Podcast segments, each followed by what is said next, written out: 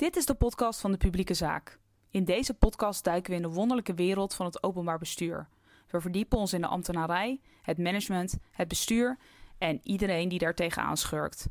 Daarbij hebben we het over macht, effectiviteit, kunde, loopbaankeuzes, leermomenten en nog veel meer. Wij zijn Laura Huigens en Jarno Deen, twee bevlogen ambtenaren die zowaar een podcast zijn begonnen. Hoe maken we het beter en hoe maken we het leuker? Daar draait het om. Veel plezier!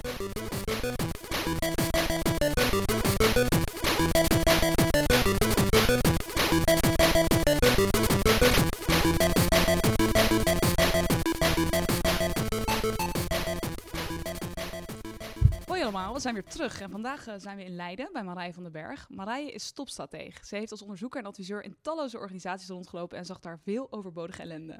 Ze leidt je in in het ambacht van stoppen. En Marije is een kampioen in het leuk, eenvoudig en aantrekkelijk maken van stoppen en scheurt hard aan je overtuiging dat stoppen per definitie verliezen is.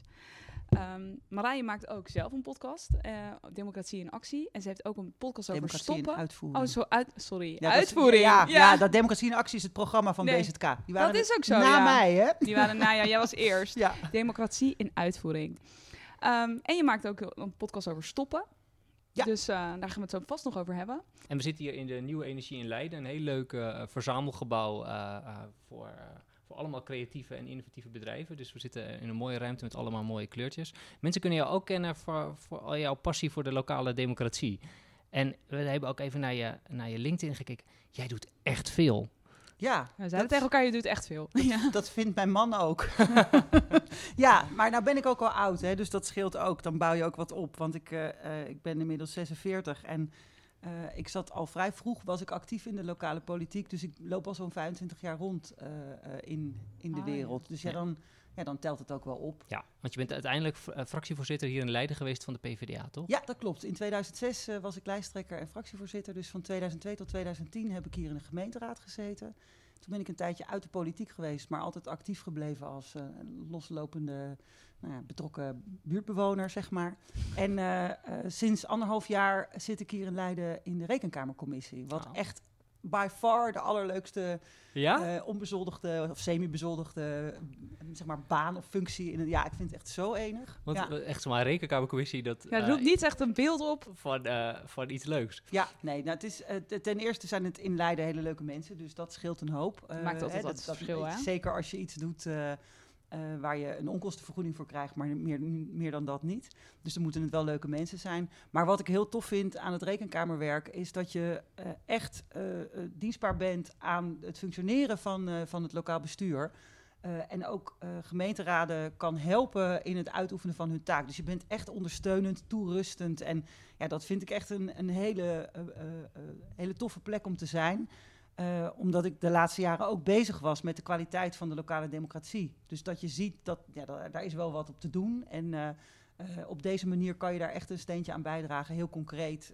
En ik werk dan met name voor de gemeenteraad van Leiden-Dorp. Ja, dat is een kleine gemeente met een gemeenteraad die, die ook echt blij is met de dingen die we doen als rekenkamercommissie. Ja, dat is gewoon heel fijn om te doen. Ja, Dus eh, ja, heel dankbaar. Voordat we even in, je, in wat je allemaal verder nog hebt gedaan duiken, vind ik het wel een interessante vraag. Want eh, je bent ook heel actief geweest met burgerinitiatieven. Je bent zelf in de raad geweest. Eh, zelf ben ik ook een beetje aan het nadenken van wil ik nou, wil ik misschien ook iets eh, actief in de politiek gaan Doen. doen, of niet? Ja, dat komt waarschijnlijk wel goed. Maar ik heb ook wel eens het idee gehad, volgens mij kan ik effectiever zijn door, in een, door gewoon iets op te starten dan nou echt in de raad te gaan zitten. Hoe kijk jij daar tegenaan? Waar, waar, ja, dat is wat heeft de een, meeste dat is een gewe- gewetensvraag. En het is ook. Ehm, ik heb dat zelf ook ervaren. Maar het is wel makkelijk praten als je eerst acht jaar in de gemeenteraad hebt gezeten. En daar het spel hebt, leren spelen. eh, je netwerk hebt opgebouwd. En daarna actief wordt als buurtbewoner. Dan ben je wel een heel ander soort buurtbewoner dan andersom. Dus ik, ik, ik weet Ja, dat het je nog dan zo alle paadjes al weet en zo. Je weet gewoon hoe het werkt Ja, en, en hoe je dingen voor elkaar kunt krijgen. Ja, en dat heeft ook mij wel eh, heel erg gesterkt in het idee dat er toch nog ook wel wat kwaliteitsverbetering nodig was. Want ik zag dus hoe extreem effectief ik kon zijn. En dat zegt dus ook iets over de inclusiviteit van die lokale democratie. Want het feit dat ik heel effectief kan zijn, nou, ik kan wel optellen waar dat door komt. Maar ik weet ook dat niet heel veel mensen Ja. eh, al die eh, kruisjes achter hun naam kunnen zetten. Dus, dat, ja, dat, dus, dus ja, je kunt als eh, actieve bewoner enorm effectief zijn. Ehm, maar dan heb je al wel door een aantal hoepels gesprongen, zeg maar, Ja. in je leven. Ja, Ja. helder. Ja, en je hebt nu een boek. Je hebt een boek. Het is echt... eh Marije heeft een boek geschreven, dat is Stop. Stopstrategie voor organisaties. En ehm, nou ja, dat was het haakje waar we... We kenden jou al van je podcast, maar nu kwam dat boek uit. dachten we, nou, nu, eh, nu is het echt heel leuk om een keer met jou te gaan praten. Ja, en ik moet zeggen, complimenten. Dankjewel. Ja, ik dacht, eh, ik heb natuurlijk het, we hebben natuurlijk het boek eh, gekocht, omdat ik dacht, ja, als we met je gaan praten, dan eh, gaan we het lezen ook. Ja, Maar, Jarno is halverwege ja, begrepen. nou, ja, dat vind ik was alleen maar. Ja. Maar, maar ja, en ik heb je podcast nog over stoppen ook nog expres niet geluisterd, omdat ik dacht, ja, ik, ik wil eerst gewoon met je praten erover. Dan word ik niet beïnvloed. Maar het, het grappige was dat ik, eh, ik kreeg dat boek en het is natuurlijk ook wel mee. Ik, ik heb net ehm, een leeratelier strategie afgerond bij de NSOB, dus ik heb afgelopen jaar heel veel gelezen.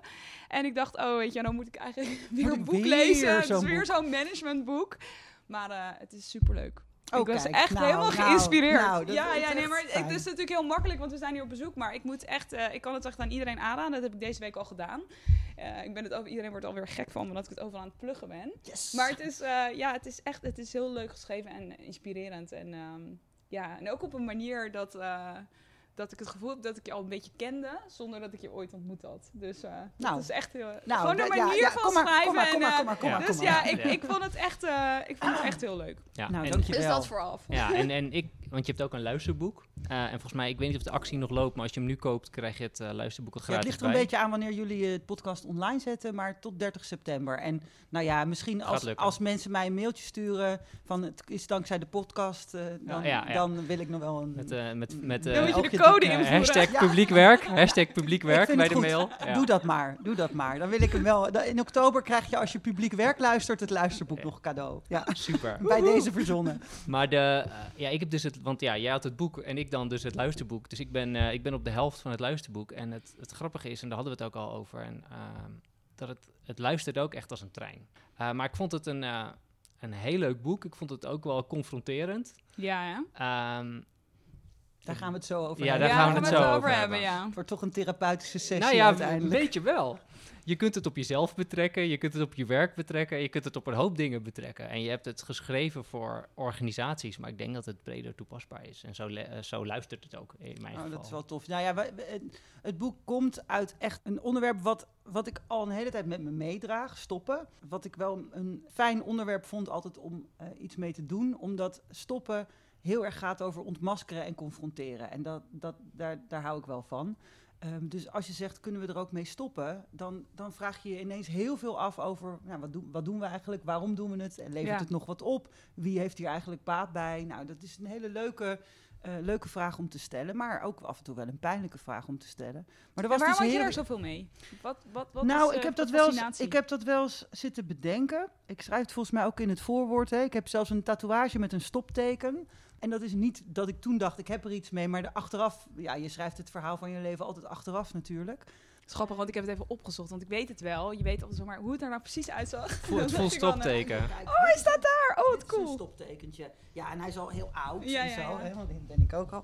Uiteindelijk, uiteindelijk wat mij drijft, is dat ik, ik heb echt een grafhekel aan verspilling. En verspilling die komt van dat de dingen niet helemaal passen.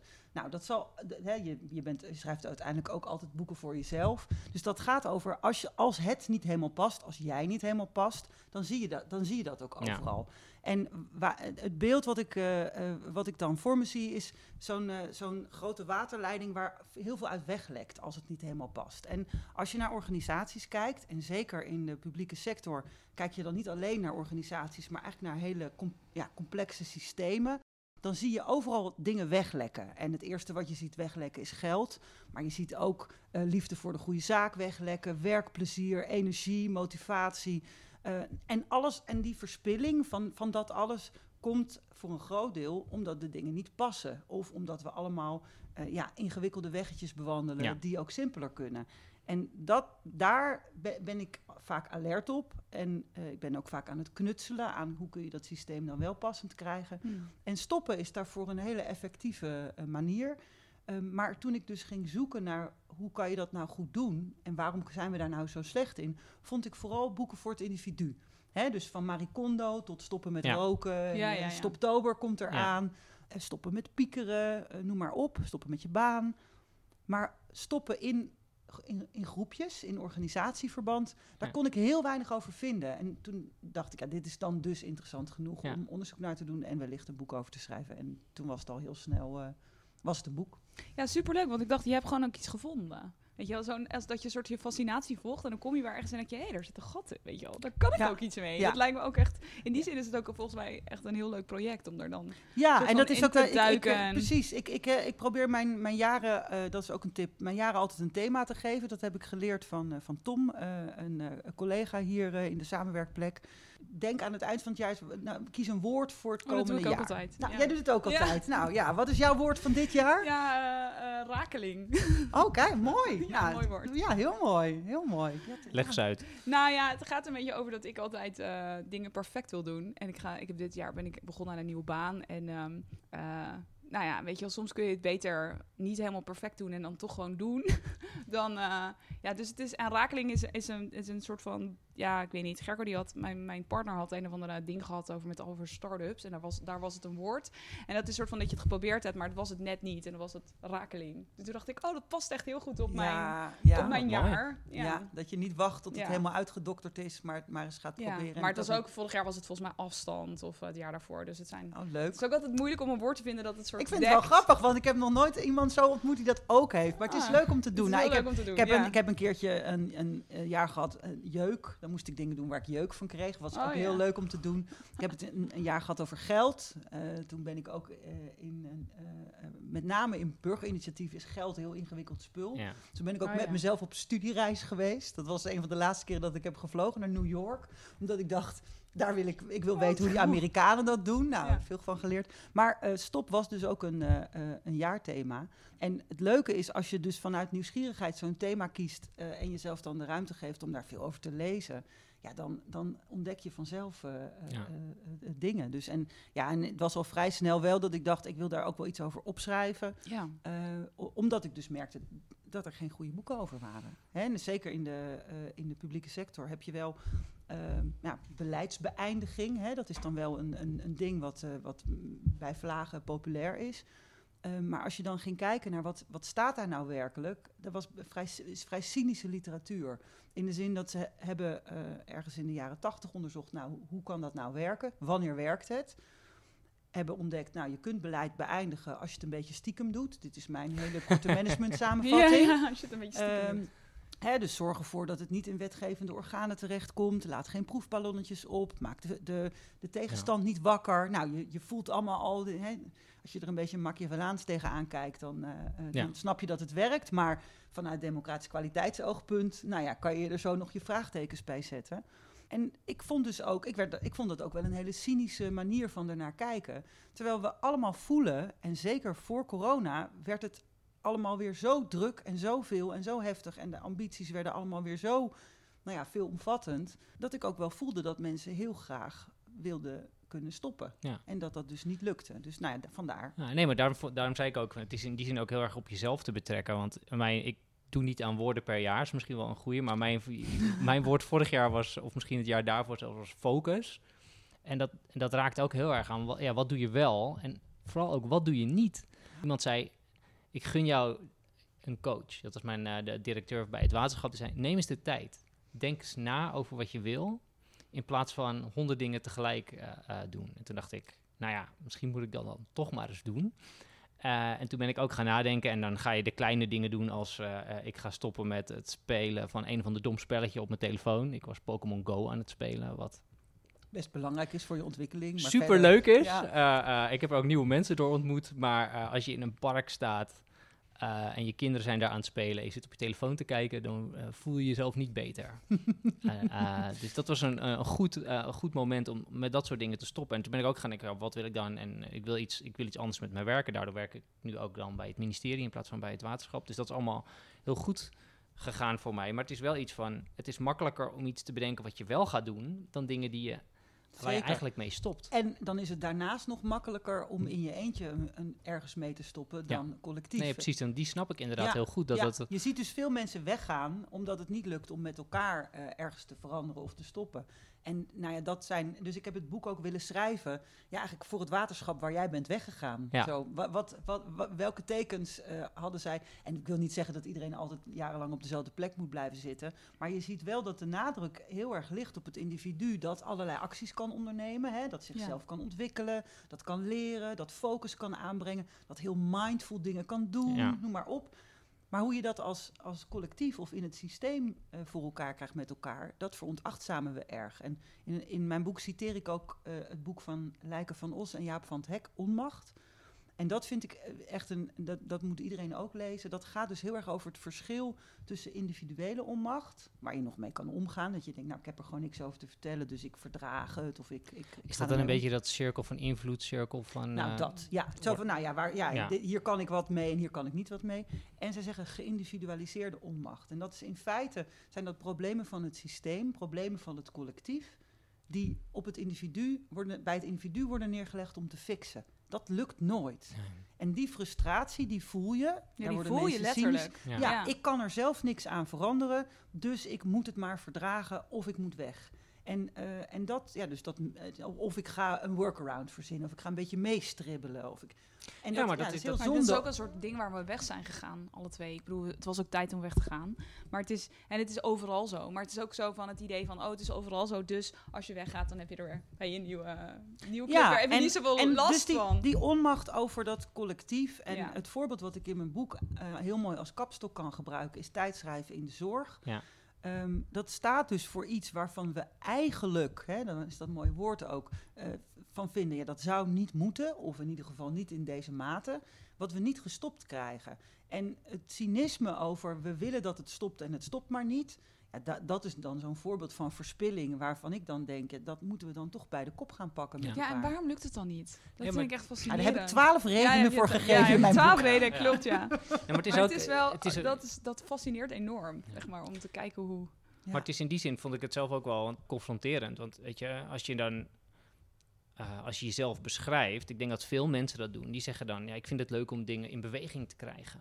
Ik wil iets opstarten. En dan, eh, ja, ik ben niet zo'n afmaker. Geef mij maar eh, het begin van iets, weet je wel. En dat zeggen best wel veel mensen. En dat, eh, Ja, want dan kan nog alles. dan hè? kan ook nog alles en dan is die vrijheid er nog. En de nitty-gritty dingen voor elkaar krijgen, implementatie en dat soort dingen. Daar zijn mensen eigenlijk, ja, daar zijn mensen over het algemeen Nou, wij vinden van. dat iets minder sexy. Ja, Eh, we, we hebben het dan over backbenchers of over, nou ja, ja. Of, duurzaamheid in het werk. En, eh, dus dat is, dat is heel erg aan de orde.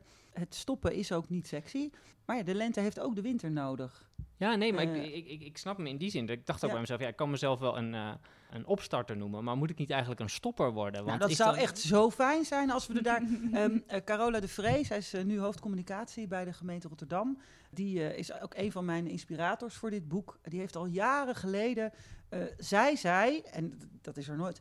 Elke organisatie zou een beleidsbeëindiger moeten hebben. En ik denk dat die functie in, in ons allemaal zit. Maar het kijken van wat zouden we kunnen stoppen... Dat, dat gebeurt niet. En z- zij zei dat ook elke keer secundair. Dat is altijd op mijn schouder blijven zitten. Ehm, maar ik ben het helemaal met je eens. We zouden met elkaar dat stoppen gewoner kunnen maken. Ehm, ik denk niet dat de functie van beleidsbeëindiger nou echt zou helpen. Want ja, eh, dan heb je er weer eentje en die moet het dan in zijn eentje doen. Maar het zou wel fijn zijn als we aan het stoppen van dingen op dezelfde gewone en ontspannen manier aandacht kunnen geven als aan het starten van dingen. Ja. Hè, dat, dat het iets gewoner en nou ja, en gewoon dat is pas als het eerst sexy is geweest. Dus misschien moeten we eerst gewoon even een Ja, hypeje ervan precies, maken. precies. Dat mag van mij ook. Maar Ja. uiteindelijk eh, zou het, kun, het praten over dingen stoppen en, en echt netjes afscheid nemen en wegleggen en afleren. Dat zou heel fijn zijn als dat normaler wordt om dat te bespreken in, eh, in met name publieke organisaties. Ja, want je geeft ook aan van we, we hebben allerlei rituelen en mensen en werkvormen bedacht om dingen op te starten en feestelijk. En ook als iets geopend wordt, hè, dan, dan, dan maken we er een feestje van. En een Ja, spaal. precies. Maar om te zeggen, nou jongens, we stoppen ermee en dit was het dan. En we, en we maken er ook echt een moment van. Ja, als, je- zoals je dat opschrijft in je boek, dan voel je bijna de opluchting. Je voelt bijna, je voelt bijna dat het dat, lichter zou, wordt. dat zou fijn zijn. Dat zou zo fijn zijn met sommige dingen. Ja, ja. Ik, heb Ja. ik heb dat, eh, daarvoor ook het gezegde... dode paarden moet je feestelijk begraven eh, bedacht. En als je dat zegt, zullen we het dode paard feestelijk begraven? Zullen we daar een moment van maken om afscheid te nemen? De meeste de schouders gaan zakken, mensen verzachten. Ah, wat zou dat opluchten? En dat is Ja. precies het, dezelfde opluchting als je berging eens even goed uitmest. Ja, Ja, er zit, Ouder- er zit, ja, er zit wel een? Marie Kondo-achtige ding in. Zeker, ja. Dat is het zeker. Sparkle Joy is natuurlijk wel zo'n...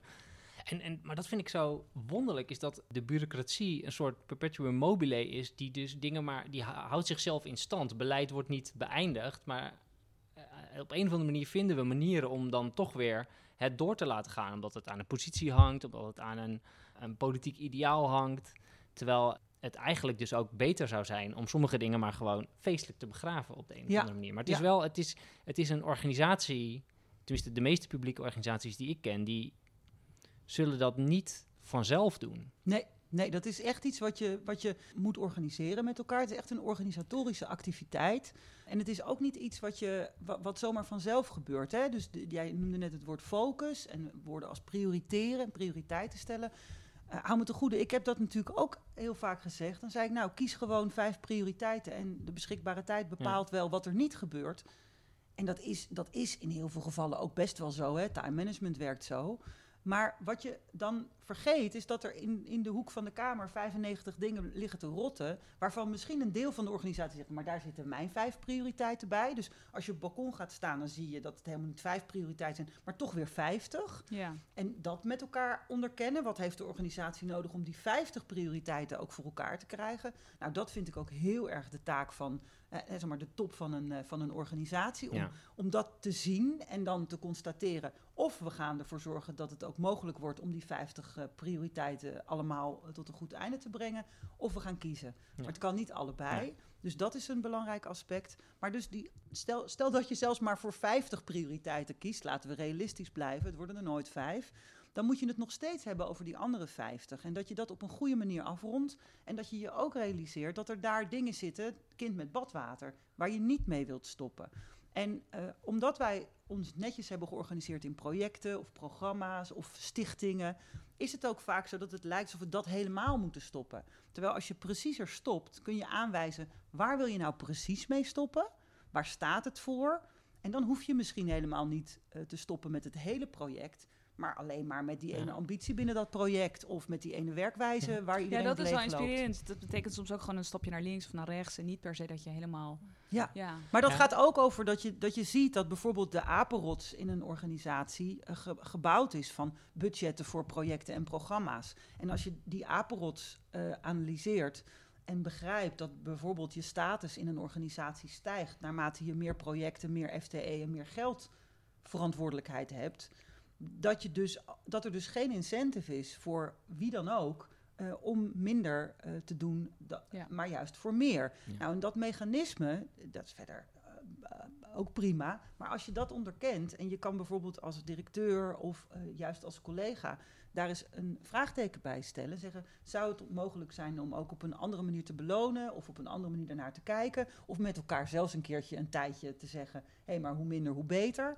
Dat, dat we dat ook eh, een aantrekkelijke optie eh, gaan vinden. Ja. Dat, dat, dat, zou wel, eh, dat zou wel fijn zijn. ja, en dan voel je dus ook wel dat die taai is. Want dan, dan kom je dus echt in de, in de wortels van de organisaties terecht. En Ja. over diep gewortelde... Ah, ik vond het ook wel interessant. Ik was laatst bij een, eh, bij een van de online webinar met eh, Dirk Loorbach. En het ging over transities en hoe je daar nou, eh, ja, hoe je dat nou voor elkaar krijgt. En toen gaf hij ook wel aan van ja, die in dat eh, kruis wat zij dan. Ja, de, eh, die, die, die, die heb ik ja, in mijn boek ook precies. staan. De Ja. X-curve De X-curve. dat. Ja, dat het kantelt, zeg maar, ja, in het midden. precies, in het kantelt. Maar dan gaf hij ook aan, ja, eigenlijk ronden we bijna nooit dingen af. Het is zo'n transitie voor elkaar krijgen en dus het oude feestelijk begraven, omdat we naar het nieuwe gaan. We zitten heel erg in het midden nu, dus dat Ja. schrijf je in je boek natuurlijk ook. Ja, wat ik heel interessant vind aan die X-curve uit die transitiekunde, is dat het ook heel duidelijk beschrijft dat je dus dingen moet afbreken en destabiliseren en weg moet doen. Dus dat is zeg maar, het oude wat moet verdwijnen.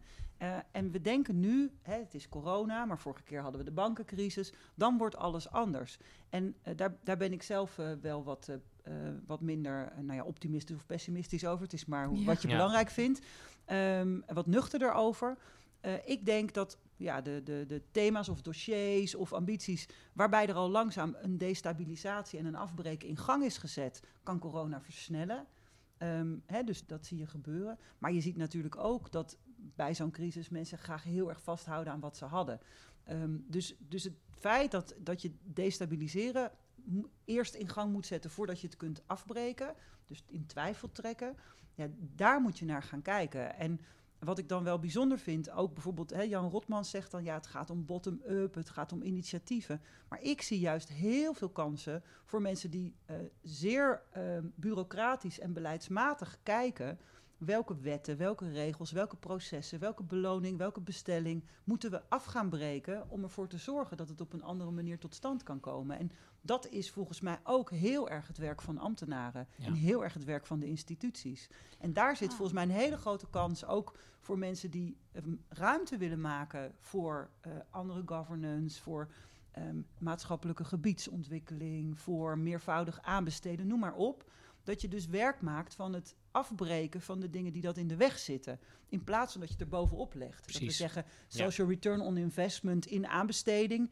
Maar wa- waar zit nou precies de bestelling voor het klassiek aanbesteden? En wat moeten we nou schoonmaken en opruimen Ja. om ervoor te zorgen dat er ruimte komt voor dat andere? Ja, want het- je stapelt uiteindelijk eisen op elkaar, waardoor het eigenlijk niet meer werkbaar wordt. Sterker nog, het wordt niet werkbaar, maar ook als puntje bij paaltje komt, dan zijn die eh, oorspronkelijke, veel basalere, fundamentele Ja, eh, waarden ook ineens veel belangrijker. Hè? Dan, Ja. dan, Ja. dan, dan, dan gaan we weer even terug naar normaal en dan is de rest franje. Terwijl we zien dat, die, dat het niet franje is, maar echt diep geworteld eh, zou Ja. moeten zitten in onze processen.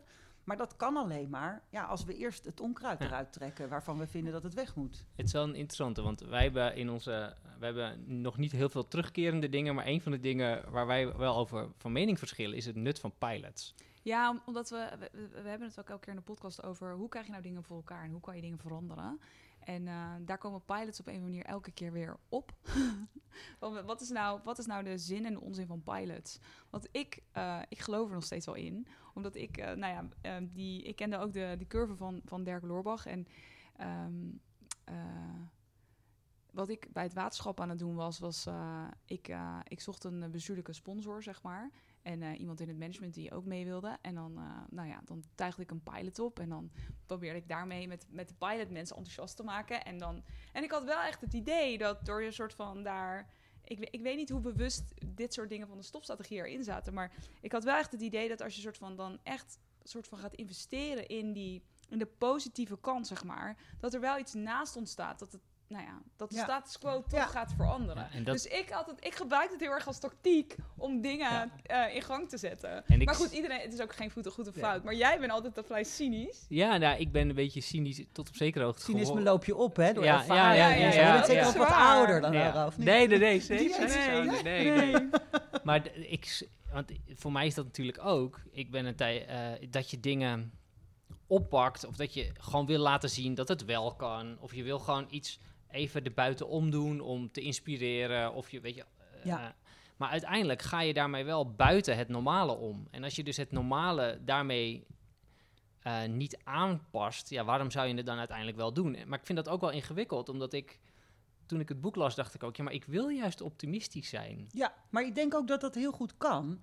Ehm, maar als je een beetje uitzoomt, dan zie je ook precies eh, eh, waar het zeg maar goed gaat met pilots en waar het misgaat. Ehm, en eh, misschien moet je naar zo'n pilot kijken als ja, nieuw zaaigoed. Ja, en, en als het gewoon al helemaal ramvol staat, dan komt dat zaaigoed toch nooit nee, lekker op. Dus Ja. je moet eerst Nee. eventjes de grond... Dus je moet wat dingen weghalen Ja. eh, voor een pilot. En natuurlijk gebeurt het allemaal tegelijkertijd. Ehm, maar ik denk wel dat ehm, eh, wat je ziet gebeuren... Kijk, het gaat ook om de intentie van de pilot. Want als je de pilot neerzet als van... ik wil iets ernaast gaan bouwen waar, je, waar we naar kunnen overspringen... omdat het beter werkt... dan denk ik dat dat heel goed is. Dan kun je uitproberen, kun je een beetje Mhm. benutten wat er wel en niet werkt. Maar als de pilot een workaround is... eh, dan komt hij er alleen maar bij. Ik heb eh, eh, twee jaar geleden een onderzoek gedaan met, samen met Geldstromen door de Wijk naar Geldstromen door de school. Alle geldstromen in het basisonderwijs in beeld gebracht. Daar word je helemaal eng van als je die spaghetti ziet van hoe dat werkt. Maar wat je vooral ook ziet is dat omdat het zo ingewikkeld is en omdat er allerlei gevestigde belangen en structuren zijn waar langs het geld moet stromen, dat je ziet dat mensen die iets willen, en dat zijn ook vaak Kamerleden met een hobby, die leggen dan nog een apart geldstroompje aan met een of ander budget, in dit geval het werkdrukgeld, wat eigenlijk om die hele derry heen gaat, om die hele overlegspaghetti, om die hele polder heen. Dat lijkt heel lekker.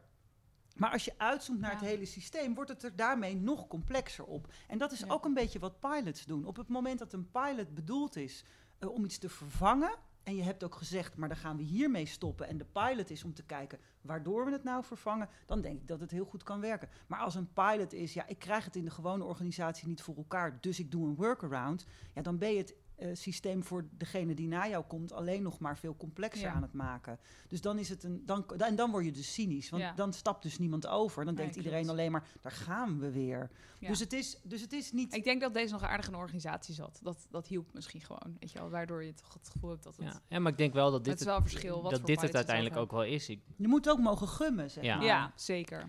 Ja, maar dat is ook, weet je, in, in iedere organisatie gaat het erom, je hebt eh, een nieuw bestuur of een nieuwe directeur of je hebt een nieuw iets en die hebben nieuwe ambities. Ja. En nieuwe ambities, nieuwe energie. Heel lekker. En Heerlijk. die komen er altijd bovenop als Maar- je niet uitkijkt. ja, En het dan is, eh, en, moet je die andere dingen wel afschaffen. en dan, weet je, waar gaan de discussies in teams over? Ja, ehm, wat, we hebben eigenlijk te veel, eh, op, te veel te doen en te weinig tijd. Ja. Omdat het inderdaad altijd maar weer opstapelt. Ja. En eh, ja, Ja. dat is toch uiteindelijk, is, is, is denk ik dit wel de, het gesprek wat iedereen nu al met elkaar voert, maar wat we dus kennelijk nog niet goed genoeg kunnen. Nee, omdat ook eh, stoppen is ook, is ook heel erg ontmaskeren. Hè? Maar gaat ook Ja. over dat mensen hun ziel en zaligheid ergens in gestopt hebben. Eh, waarvan dan bijvoorbeeld ineens de vraag wordt gesteld: maar was het eigenlijk wel een probleem waar jij een oplossing voor aan het verzinnen bent? En ja, dat is natuurlijk pijnlijk. Dus Ja. dat ontmaskeren, dat, en dus dat moet wel, dat moet wel op een eh, respectvolle manier eh, gebeuren. En dat moeten ook mensen wat opleveren. En nou, wat dus heel bijzonder is, en dan die, je, jullie kennen vast die sunk cost fallacy. Ja. Hè? We hebben nu Lelystad Airport, dus iedereen weet weer even wat het is. Eh, dan zie je dus eh, dat dus ook energie die mensen erin stoppen, of zelfs moeite die het kost in die onmogelijke opdracht, voor heel veel mensen ook een reden is om het juist heel graag te willen doorzetten. Omdat ze denken, ja, we hebben er nu zoveel energie en het was zo moeizaam. En bijna ook weer vergeten dat, ja, dat het überhaupt misschien wel een stom idee was. Nou, en dat, dat zie je dus in organisaties. En dat zie je ook. zoveel. Ja, en dat is ook. ehm, eh, dus dat onderkennen en dat ontmaskeren, ja, dat, dat, dat, dat vraagt wel wat. En dat betekent dus ook dat een cultuur in een organisatie, en die wordt toch ook gedragen door leiders, heel erg moet gaan over eh, dat je hardop moet, je moet kunnen afvragen of je de goede dingen aan het doen bent en dat je eh, moet kunnen draaien. Ja, dat, dat ze je- dus ook veilig zijn. Om dat te kunnen doen. Ja. Ja. En dat, dat vond ik denk ik ook wel een mooi inspirerend iets wat je op jezelf kunt betrekken, maar ook zeer zeker op een organisatie. is. Gun jezelf de tijd om even die reflectie te doen of om even die, eh, die stap te zetten. Dat vond het voorbeeld van de wethouder uit Nieuwkoop, wat je beschrijft, vond ik ook heel mooi. Dat als er dan iets speelt, gun jezelf ook even de tijd om tot een oplossing te komen in plaats van maar te blijven rennen. Ja, Ja. manier om dat te doen. Dat vond ik wel echt Ja. leuk. Maar ik vind dat namelijk altijd wel echt een... Ik vind dat in de werkpraktijk echt een enorme uitdaging om die tijd te vinden. Ja. Ik heb altijd wel veel respect voor mensen die dat echt ook eh, in weten te passen in hun, in hun trajecten of processen. Waar ze gewoon zeggen, nee, nee, nee. We nemen gewoon twee maanden om erover na te denken met elkaar. En echt het vraagstuk uit te pluizen. Want het is zo verleidelijk Ja, om als... eh, om- als om de eerste oplossing te wil, kiezen. de- ja, om, en om wat te iedereen- leveren. om concreet te zijn. En ik denk ook dat eh, in veel organisaties de mensen die snelle beslissingen nemen, je kloeke beslissingen zoals jij noemt, de kloeke beslissers, en ook de mensen zeg maar die dingen plat en simpel kunnen maken, dat, dat staat in hoog aanzien op heel veel Ja. plekken. Dus om daar dan tegen in te gaan. Ja, maar ja, en dan, dan vind ik dus zelf een heel inspirerend voorbeeld eh, het omwisselbesluit uit Ja. eh, Ruimte voor de Rivier. Waarbij je dus, eh, nou, dat, hè, voor de mensen die dat niet kennen, waarbij je een goed doordacht besluit neemt, maar het pas over een, over een bepaalde periode gaat uitvoeren en jezelf de ruimte gunt om in die tussenliggende periode een nog beter plan te verzinnen. En ik vind die combinatie van wel een keuze maken, dus niet zeggen we gaan het nog onderzoeken, maar onderzoeken en een besluit nemen en tegelijkertijd ruimte inbouwen om dan te kijken, is het wel een slim besluit? Ja, dat, dat vind ik zelf echt. Ik vind, ik vind dat nog steeds, eh, dat, dat, dat kan je op zoveel manieren kun je dat toepassen. Omdat voor heel veel eh, bestuurders, wij belonen onze bestuurders natuurlijk ook voor stevigheid. En, Ja. en terecht, want daar zijn het leiders voor. Dus als we eh, vanuit bijvoorbeeld zo'n ambtelijke organisatie op het menu kunnen zetten, je kan en stevig staan voor je beslissing en de ruimte geven om eh, bijvoorbeeld de inbreng van buitenstaanders nog eh, mee te wegen of er nog eens een beetje over na te denken nadat je het naar buiten hebt gebracht. Ik denk dat als wij uh, in onze ambtelijke organisaties beter worden in dat soort vormen ook ja, inpassen en inbouwen in de processen. Ja, ik denk dat de kwaliteit van die besluiten ja. dan ook echt enorm omhoog gaat. Maar wat we dus niet moeten doen, is eindeloos uitstellen. Ja. Want Nee, dat klopt. werkt niet. Want, da- want dan is dus de, de, de- ja, dan is het niet meer precies, maar dan, dan, is, dan is het ook niet urgent genoeg. Nee. Dus je moet op een of andere manier en urgent en tijd Ja. combineren. Maar is dat uiteindelijk ook niet, zit daar ook niet de politieke dimensie in, het, het uitstellen? Eh, zeker. En dat is ook een logica. Dus dat vind ik ook. Hè, dus als je, als je kijkt naar, naar stoppen. Ehm, er is ook veel onderzoek gedaan, bijvoorbeeld naar de zorglogica en de managementlogica. Maar die politieke logica, daar hebben we natuurlijk in onze publieke organisaties heel erg mee te maken. Die moet je zeker meewegen. Maar ik denk ook dat, dat in die politieke logica je als ambtenaar de verantwoordelijkheid hebt. Eh, om in ieder geval eh, transparant te zijn over de keuzes die voorliggen. Ja, en de impact Ja, daarvan. en we En de moeten nu keuzes daarvan. maken. Dus in die zin, eh, ja, ik zit midden in klim- klimaatadaptatie, maar dat is, daar zit da- daar net als op de resten, daar zit enorm veel druk op natuurlijk. We moeten, we moeten besluiten nemen over bepaalde dingen, terwijl we nog niet alle, alle informatie hebben om een goed besluit te nemen. Nou ja, goed. ehm, maar, maar dan schept het ook werkelijk lucht om te zeggen van.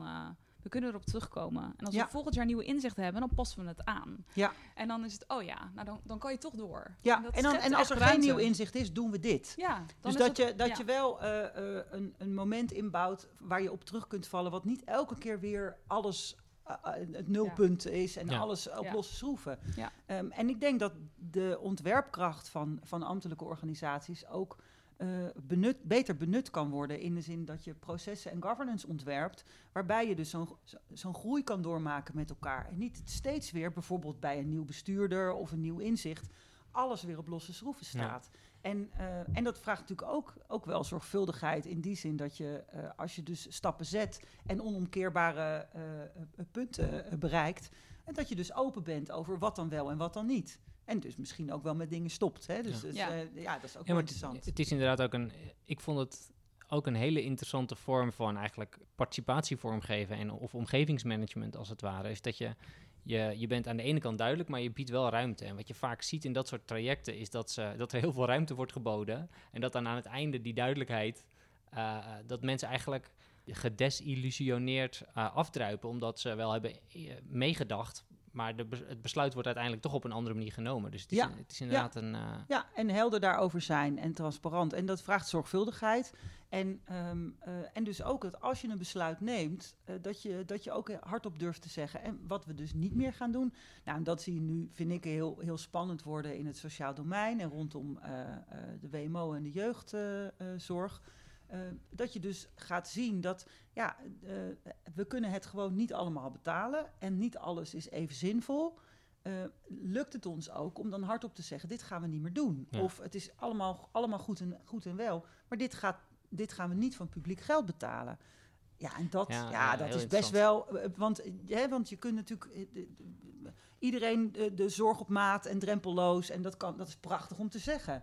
Maar het tegenovergestelde daarvan, we doen dit wel en we doen dit niet en we gaan daarmee stoppen. Nou, dat, eh, dat, Dat is ook een moeilijke boodschap. dat is een moeilijke boodschap. Dus, eh, dus dat, eh, daar, daar moeten we denk ik ook bestuurders in, eh, in ondersteunen. Ja. Eh, door hen ook de, eh, de feiten in handen te geven. Door te laten zien, ja, het, het werkt ook niet. Of eh, het is oneerlijk. Of eh, eh, ja, het kost gewoon te veel. Ja. Of ja, dit is heel, heel plat. Ja, maar goed stoppen, ehm, dat, dat vond ik. Dat, dat komt ook wel echt uit het boek naar voren. Dat het, begint, het, het besluit om met iets te stoppen is pas het begin. Daar zit niet, eh, daar zit niet een moeilijkheid. Ja, tenminste, dat kan ook moeilijk zijn om dat te zeggen natuurlijk. Maar, Ja, eh, maar dan ben je er, dan ben je er helaas nog lang Nee, niet. nee, er zit van alles omheen. Ja, ja. En, eh, en dat voel je ook. Ja, dat, en de- in het boek De Stap Afleren, daar denk ik is ook de, de stap waar ook het meeste winst te behalen is.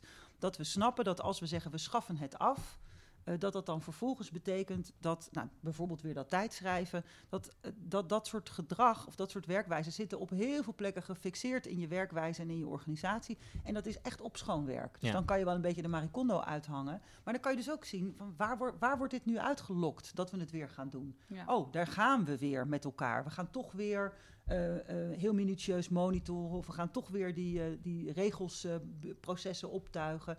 waar, waar komt dit nou vandaan? Hè, die risicoregelreflex, eh, die je dus Ja. ook, eh, eh, nou ja, waar, je, waar je dus ook bijvoorbeeld bij eh, de toeslagenaffaire echt een heel, heel, heel wrange vruchten van ziet. Waarbij je precies kunt uittekenen, waar is dit nou eigenlijk besteld, di- dit gedrag? Ja, en dan vind ik zelf dat ook de politiek zichzelf in de spiegel mag kijken. Van we, we, we lokken iets uit. Ehm, eh, en wij moeten ook met dingen stoppen om te voorkomen dat we het uitlokken. Dus bijvoorbeeld met, eh, nou ja, dat je een plannetje hebt en dat je daar een budget bij zoekt en een programmanaam en een logo. En dat dat dan, ja, daar kan je ook van zeggen, nou wat raar, we hebben gewoon algemene middelen en daar moet het uit bekostigd worden. Maar dat je dat op je eigen naam wil kunnen zetten, dat is natuurlijk, zorgt natuurlijk ook voor heel Ja. veel ja, extra overhead en extra verantwoording. Heel Dus veel dat- kerstballen in de boom. ja, dat. Ja, ja. en dan dondert hij toch om. Dan krijg je toch een soort V&D uiteindelijk. Ja, Ja, dat willen ja we niet. of eh, Nee. belastingdienst. Ja. ja, ja, ja.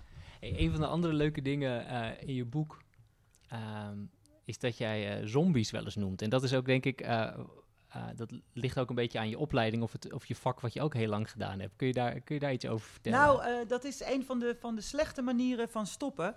Ehm, eh, dat noem ik de zombies. En dat, is, dat gaat niet alleen over stoppen hoor, gaat in het algemeen. Ik ben van oorsprong journalist en eindredacteur. En ehm, eh, als ik dan passieve zinnen zag, dus er wordt onderzoek gedaan, er wordt prioriteit gegeven aan. Dan eh, had ik de neiging om daar dan door zombies eh, achter te denken of zelfs te schrijven. Eh, en dan te kijken, lukt het ons om daar levende mensen voor in de plaats te zetten? En ehm, als dat niet lukt, dan weet je al dat het niet gaat gebeuren. Dus die, en Jos van der Lans heeft het boek Ontregelen geschreven, ook alweer tien jaar geleden. Hij noemt het R. Dus hij legt de nadruk op dat R wordt. Maar dat R, wie dat eigenlijk is en wie dat dan doet, ja, daar moet je heel erg alert op zijn. Dus, ehm, en op het moment dat het niet lukt om het door eh, levende mensen, door die zombies door levende mensen eh, te vervangen, dan gaan ze dus aan je knagen. En dan loopt de energie eruit, gaat iedereen dood. En het project ook. Want op het moment dat je een grote ambitie hebt en er wordt van alles gedaan door zombies. Of door mensen die. Even bellen. Sorry. Niet erg. Ehm, eh, dan, dan, dan gebeurt het dus niet. En eh, dat is ook als je, als je grote plannen hebt en je hebt eh, grote verlangens, dan is de neiging om op te schrijven dat het allemaal gaat gebeuren eh, heel groot. Maar als je dan heel plat gaat zeggen wie gaat nou wat doen, dus dat is ook dat, wie doet wat, en er is niemand om het te doen, ja, dan gaat het dus niet gebeuren. Dus dat stoppen is ook, ja, het wordt afgeschaft. Ja, door wie en wat? En wat moet er dan precies gebeuren? Nou ja, dat, Ik vond die zombies heel, heel vaardig. En ze staan ook, ze, ze maken heel. Nou ja, het gaat natuurlijk in het boek ook over al die dingen die soort van dingetjes die op de waakvlam worden gezet, dingetjes die er nog liggen, dingetjes die we niet hebben afgemaakt, dingetjes waarvan we zeggen, nee, we gaan eerst dit doen voor het nieuwe bestuur, maar ja, dat andere moet ook nog. Al die rot, al die rot die zeg maar er toch is. ja. En in die zin vond ik het wel een hele mooie, ja, een hele mooie metafoor met de zombie, omdat je ze voelt, je voelt ze bijna zo Ja, ze- zuigen. En je wou dat je gewoon, eh, Ja. en elke keer komen ze weer door die deur. ja. Dus eh, Ja. die- ik dacht, oh ja, dat is wel een mooie die je kunt gebruiken ah, om, eh, om je stukken actief te maken en te, echt te zorgen dat er, maar ook gewoon überhaupt. Dat je het je realiseert. Ja, dat je Nou ja, en dat realiseert is ook wel een beetje, is. hè, dus als je, je ik, ik kan me voorstellen dat mensen die het boek lezen ook wel een beetje moe worden in de zin van, oh, er moet dus echt van alles. Het is dus, er moet van alles. We moeten met dingen stoppen en dat moeten we precies doen en zorgvuldig en daar moeten we ook nog tijd voor nemen en nog meer. Nog meer. Terwijl ik wel denk dat die energie, die stop je al in het systeem. Alleen die wordt nu verspild. En die gaat nu in, in rot en in dingen wegduwen en in cynisme zitten. Dus ik ben ervan overtuigd dat de, de aandacht en de energie die je aan het goed stoppen zou kunnen besteden, die besteed je al lang. Alleen die Ja. is nu, die, die, is Die lekt lekt al nu weg. weg. Ja. Dus het gaat ook om eh, je, ja, die aandacht die je hebt, dus niet in, in, in klagen stoppen, haha, maar in stoppen stoppen. Nou ja, Ja. goed, het wordt een beetje, Ja, ja, een beetje cryptisch. Helder. Ja. Nee, maar ik, eh, ik, ik, ben, ik ben begonnen in april met een nieuwe baan. Ik, heb nu, eh, ik leid een netwerkje, of een netwerk over klimaatadaptatie in de regio Utrecht. En eh, dat netwerk was al bedacht, zeg maar, voordat ik kwam. Maar eigenlijk is het helemaal bemenst nadat het bedacht was. En eh, nou, eh, voor, voor de zomer ging ik überhaupt bijna kopje onder aan, omdat er gewoon heel veel werk was. Maar nu, eh, nu komen we allemaal een beetje bovendrijven en zijn we ook een beetje om ons heen aan het kijken. En toen ik dat boek las, dacht ik echt, ja, dat moeten we echt doen, want we zijn nieuw. Dus we moeten ook, zeg maar, het eerste jaar gebruiken van, hoe ziet het er nou eigenlijk uit? En zijn er ook dingen waarmee we denken, nou, kunnen we beter mee stoppen? Ja. We hebben bijvoorbeeld een website en heeft een besloten deel en er komt nooit iemand. Moet je ook heen met ingewikkelde wachtwoorden. Die, je kunt het niet aanpassen en veranderen naar een ander wachtwoord. En, en het zijn van die dingen dat ik dacht, ja, ja, daar moeten we een keer wat mee. En het ligt dus best wel veel in de hoek. En nu Ja. denk ik, oh, we moeten al die dingen in de hoek moeten we onder de loep nemen. En gewoon kijken van waar moeten we een streep doorheen zetten. Maar dan merk je ook gelijk dat het ingewikkeld is. Want mijn collega zei gelijk van, oh, dan stoppen we er nu gewoon mee. Zei, ja, maar allemaal mensen hebben daar tijd in gestopt. Dus als wij nu zeggen, we stoppen er gewoon mee. Weet je, we moeten het wel goed stoppen. Ja, je moet het met, met, met waardering voor de tijd ja, die erin is. zeker. Want het is, het, weet je, we moeten wel bedenken, wat zat erachter? En wat ja. kunnen we dat op een andere manier regelen? Of hè, kunnen we daar op een manier wel gestalte aan geven? Dat, we, hè, dat, Maar dat websites- kunnen... Websites zijn vaak wel heel manifest van Ja. dingen die, die dan, ja, van ambities. Dan, dan knal je er even een website tegenaan en dan, Ah, ja. ja. dan staat het maar een beetje Ja. daar te of, staan. Of je intranet. Dat vond ik ook een. Dat is denk ik misschien wel het beste voorbeeld. ja, De, ja, de ja. hemeltergende lappen tekst die op intranet staan, die dan alweer twee jaar oud zijn. Of, ja, en dat heeft ooit iemand heeft daar met veel eh, energie, hoop ik dan maar, heeft het erop ja, en, eh, volgepompt. ja. en, en het was ook toen Ja, ja, maar, met de ja, maar, dat- bedoelingen. maar eh, het internet wordt ook bijgewerkt, hè? Ja, Door zombies. Ja, precies. Ja. ja, dus Ja, maar- dat is ook... Hè, wat, wat kost het om dat te doen? En vooral wat verdwijnt er? En het opschonen, nou, dat geldt niet alleen voor intranetten... maar ook voor bijvoorbeeld gemeentelijke websites. Dat zijn vaak beesten van websites. En het weggooien van informatie... daar is nooit iemand verantwoordelijk voor. Terwijl je... eh, je nou, die, die Jerry McGovern, die heel erg gaat over... maak nou gewoon hè, de toptaken en dat soort type websites... die heeft het de helft van de tijd vooral over hoe zorg je ervoor dat je dingen delete. En hoe fijn is dat ja. om ze weg Ja, te gewoon gooien. weg te gooien. Maar op een of andere manier denken mensen dat als het één keer online staat en het is een nieuwsbericht, dat het heel zonde is om het weg te gooien. Terwijl, ja, waarom eigenlijk? Het, het, vers- het, het, het, het klattert, het, het, het zit in ja, de het weg. schoont gewoon op. ja, maar Ja, dat- en mag ik, mag ik nog iets zeggen over, over mijn netwerk? Want mijn netwerk is dus ontstaan door twee bestaande netwerken samen te voegen. Maar door ze samen te voegen, zijn de oude niet meer. Die zijn gestopt. Maar ze zijn niet helemaal gestopt. Ze hebben wel geprobeerd om het te stoppen met een, met een feestelijke bijeenkomst en alles. Maar het stoppen, er steken nu regelmatig, er steken mensen hun vinger op en zeggen, wacht eens, toen hadden we dat en moeten we dan niet, weet je, dat waren afspraken, moeten we daar niet mee doorgaan? Ja. Dus het blijft een soort Nou ja, maar van- dat, dat is dus dat afleerproces. ja, dat je en dat je dus dat je moet zegt, gaan. we zijn met het netwerk gestopt. Ja. En daarmee dacht je dus, of sommige mensen dachten, dan zijn we dus niet met de afspraken gestopt die daar allemaal gemaakt waren ooit. En andere mensen dachten, we zijn met het netwerk gestopt, dus ook met de afspraken die we daar allemaal hebben gemaakt. Blijkbaar is dat niet duidelijk. Nee, er zitten twee dus- verschillende smaken in, denk ik. Want Ja. het is samengegaan. Sommigen denken, oh, dit is nu de focus. Dus dat doen we niet meer. En sommige mensen denken, nee, het is Samengegaan, samengegaan. dus het- dus het dubbel. nog steeds. Ja, nou, en, dat met elkaar over praten. En dan vooral niet, niet te veel blijven hangen in nou, waarom dan. Maar Nee. vooral kijken, eh, wat is nou effectief? Wat kunnen we hergebruiken? Eh, en waar moeten we dan een streep door, eh, doorzetten? En, ja, en dat gaat ook over posities. Dat gaat over eh, dat, bijvoorbeeld ook taal die mensen, waar mensen heel erg aan hechten. Hè? Dat, dat bepaalde woorden heel belangrijk worden gevonden Ja. door sommige mensen. En daar kan je overheen stappen.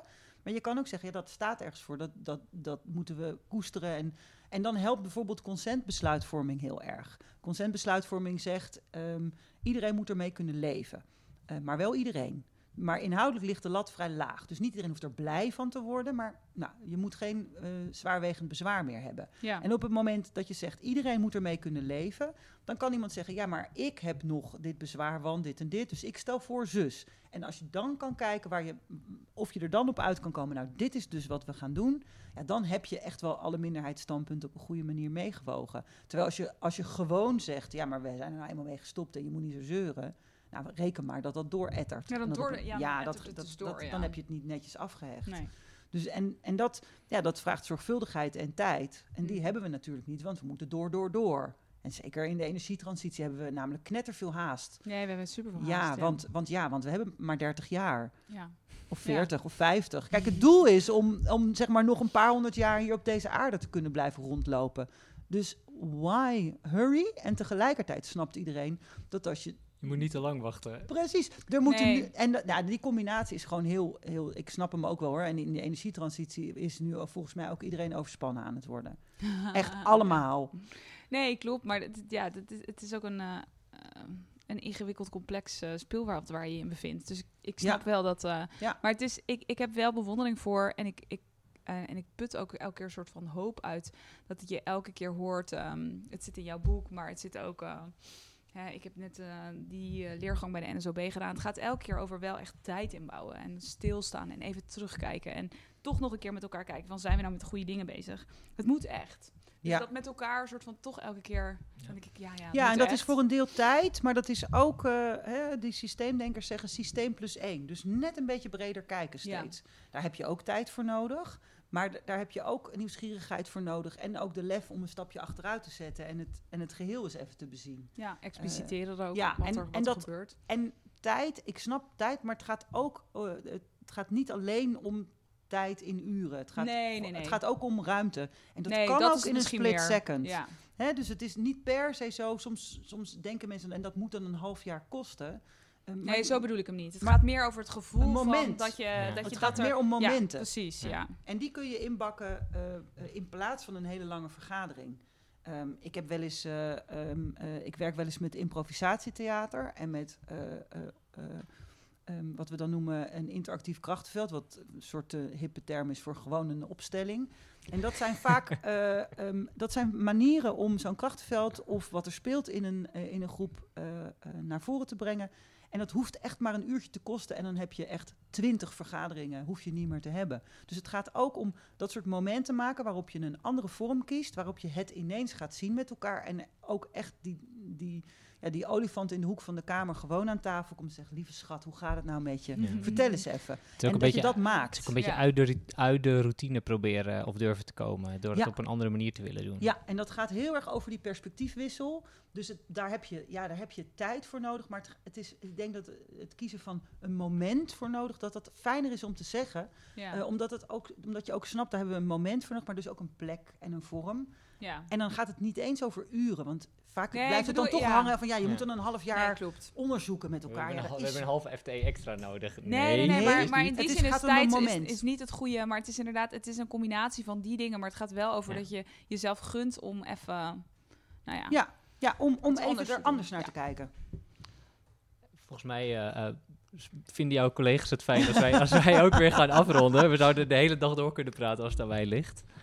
Eh dankjewel. Nou, jullie bedankt voor de Ja, vragen. we hebben nog, inderdaad nog één vraag. Onze slotvraag is altijd, wat vind jij de grootste uitdaging voor het openbaar bestuur? De grootste uitdaging vind ik, denk ik, dat we, dat we allemaal nieuwsgieriger en moeten zijn en meer kennis moeten krijgen van hoe het openbaar bestuur werkt.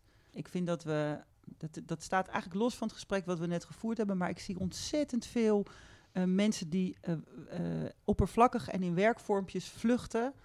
Eh, terwijl ze, als ze zich zouden verdiepen in, oké, wat is nou democratische kwaliteit? Hoe zorgen we ervoor dat we legitieme besluiten nemen? Hoe zit het nou eigenlijk in elkaar? Waarom, waarom gaan dingen traag eh, in het openbaar bestuur? Dat het echt zo ontzettend zou helpen. Dus ik denk dat je verdiepen in wat betekent het nou om met elkaar in een democratie dingen te doen? En waar zie je dat aan? En hoe kunnen we sleutelen aan de kwaliteit van die besluiting? Dat dat, dat, dat echt het lastigst wordt. Want we zijn allemaal zoekende. En als je zoekt en verdwaald bent, dan ga je hollen. En dan ga je harder en dan zie je dingen niet meer. En dat zie je ook. We vluchten echt in hele korte klappen en ad hoc. En ja, dat, dat zou ik wel iedereen gunnen om, om, daar, om daar echt beter in te worden met elkaar. Maar dat, ja, en over stoppen, ja. eh, ik, ik denk dan ook dat op het moment dat je dat doet, eh, dat je dan ook ziet, eh, beter ziet waar je dan precies mee zou moeten stoppen. Ehm, en dat dat soms een laagje dieper gaat eh, dan alleen maar dat project of alleen maar die werkwijze. En dat het soms ook gaat over bepaalde vanzelfsprekendheden of gewoontes in je organisatie maar eens onder de loep nemen. Nou ja, dat, dat dus. Dus het wordt bijna stichtelijk aan het eind. Ja, dankjewel. Ja. Dit was de podcast Publiekwerk. De muziek was van Bart de Jong. Vond je dit nou leuk? Laat vooral een recensie achter via je podcast-app. Heb je nog vragen of wil je in contact komen? Je kunt ons bereiken via Twitter, publiekwerk of jarnod1. Of je kunt ons e-mailen op publiekwerkdepodcast.gmail.com. Tot de volgende keer!